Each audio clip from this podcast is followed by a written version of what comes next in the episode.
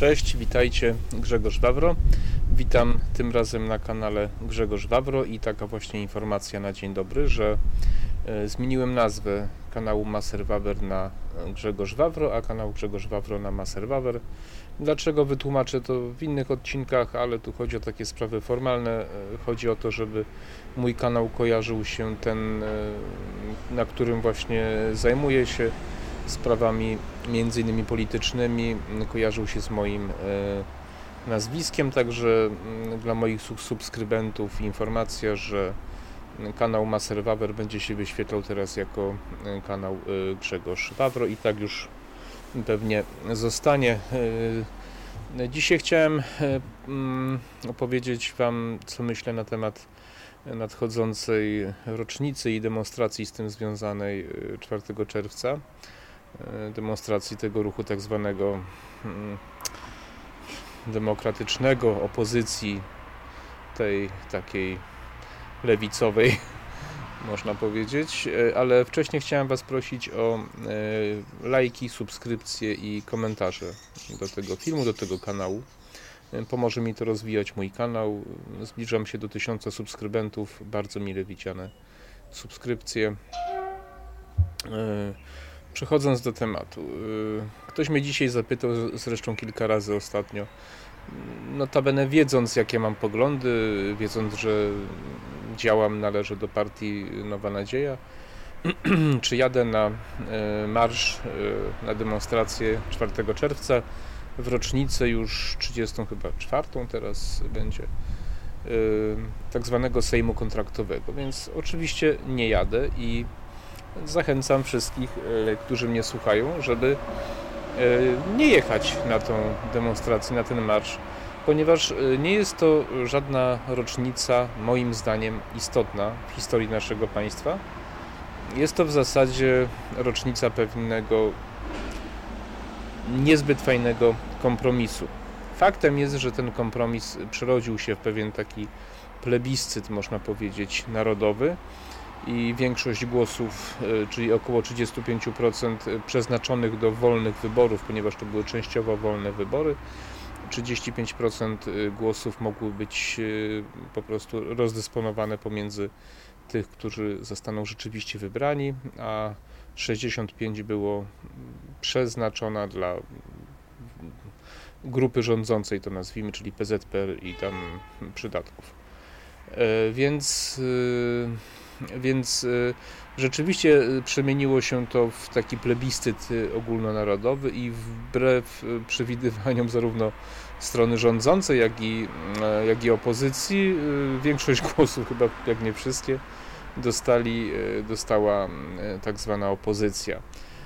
Problem polega na tym, czym była wtedy opozycja, jaka była opozycja. Była bardzo różnorodna oczywiście, ale te najważniejsze postaci to nie jest tak, że to byli ludzie, tak jak nam się dzisiaj wydaje, nastawieni wolnościowo, prokapitalistycznie, mm, prodemokratycznie. E, nie, to byli ludzie, którzy przeszli do opozycji, ponieważ e, nie zgadzali się z polityką partii rządzącej, ale ze względu na to, że uważali, że partia rządząca jakby nie odeszła od y, wartości i ideałów y, socjalistycznych czy komunistycznych.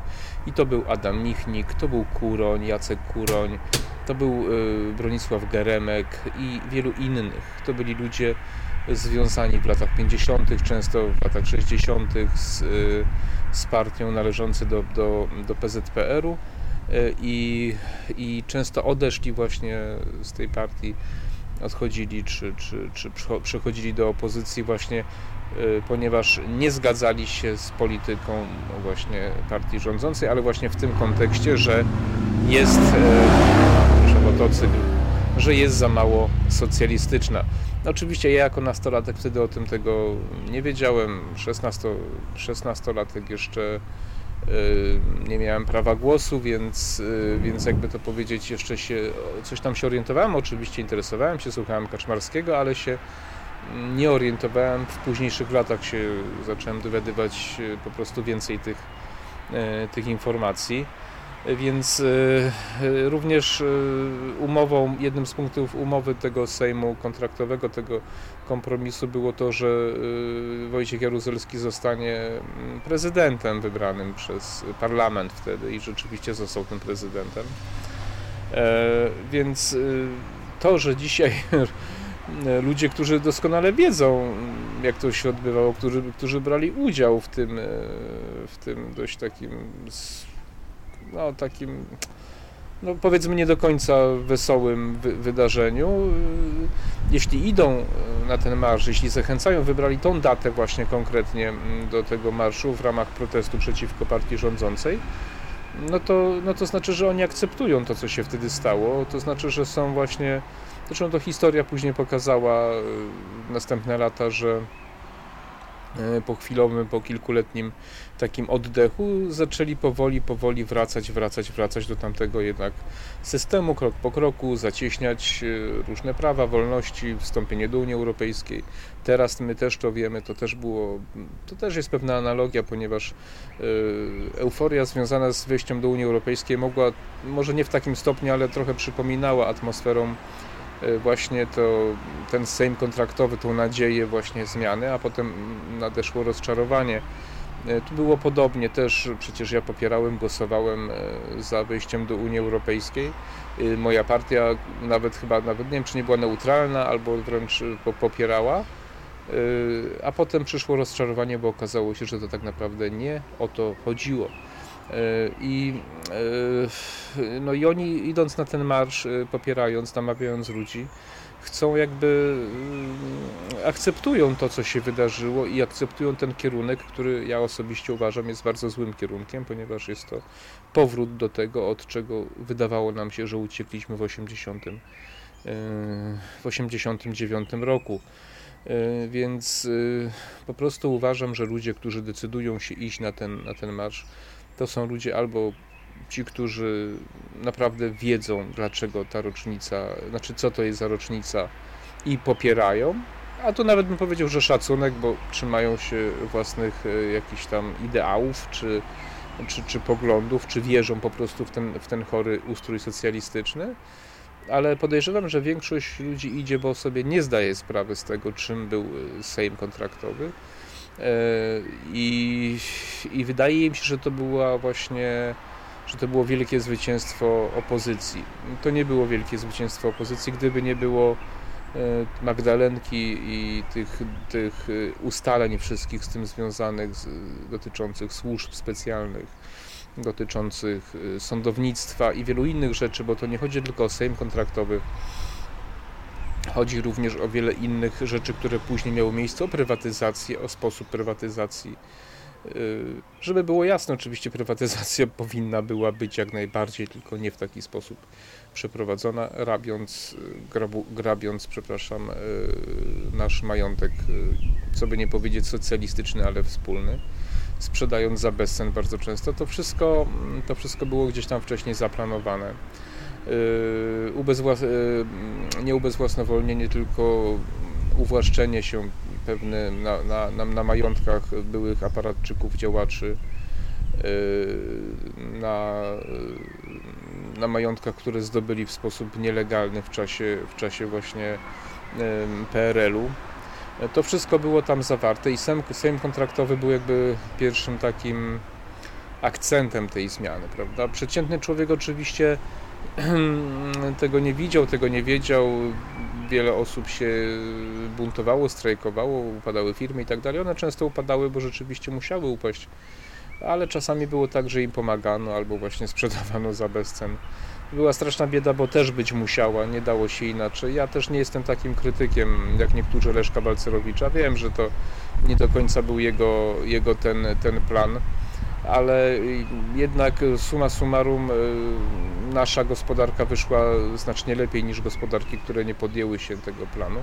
Natomiast myślę, że sam, sam proces prywatyzacji można było przeprowadzić lepiej i, i y, co jeszcze też bardzo ważne, w momencie kiedy Polska zaczęła się naprawdę rozpędzać, zaczęto wprowadzać podatki, coraz wyższe podatki obciążenia, ograniczenia, które nie pozwoliły nam dalej w tak dużym tempie się rozwijać i to też było jakoś tam zaplanowane. Polska nie miała nie miała nigdy dogonić tych krajów zachodnich. Miała wejść do Unii, żeby być rynkiem zbytu. E, podwykonawcą, biedniejszym takim, jak to Rafał Ziemkiewicz, wagonikiem do tego wielkiego pociągu europejskiego, mówi.